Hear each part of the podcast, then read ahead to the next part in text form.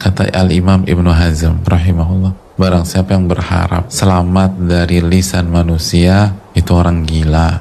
Kenapa? Jangankan dia, Nabi SAW aja dicela oleh lisan manusia. Lalu jangankan manusia, wong Allah Subhanahu wa taala diomongin manusia itu loh.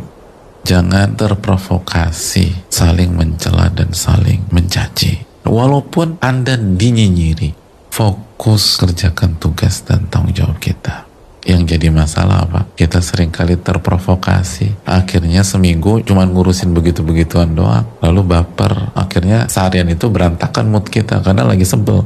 Karena kalau kita respon si A, besoknya si B begitu lagi. Terus kita respon si B. Nanti minggu ketiga ada si C. Ya terus kapan kita beramalnya hadirin? Makanya lihat Nabi kita SAW dalam seumur hidup beliau. Emang ada merespon? Enggak Padahal beliau seumur hidupnya udah dibilang orang gila, dibilang tukang sihir, segala macam deh.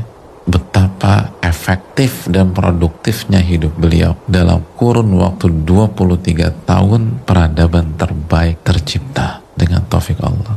Kenapa? Karena fokus amar ma'ruf nahi mungkar diamalkan lalu tidak merespon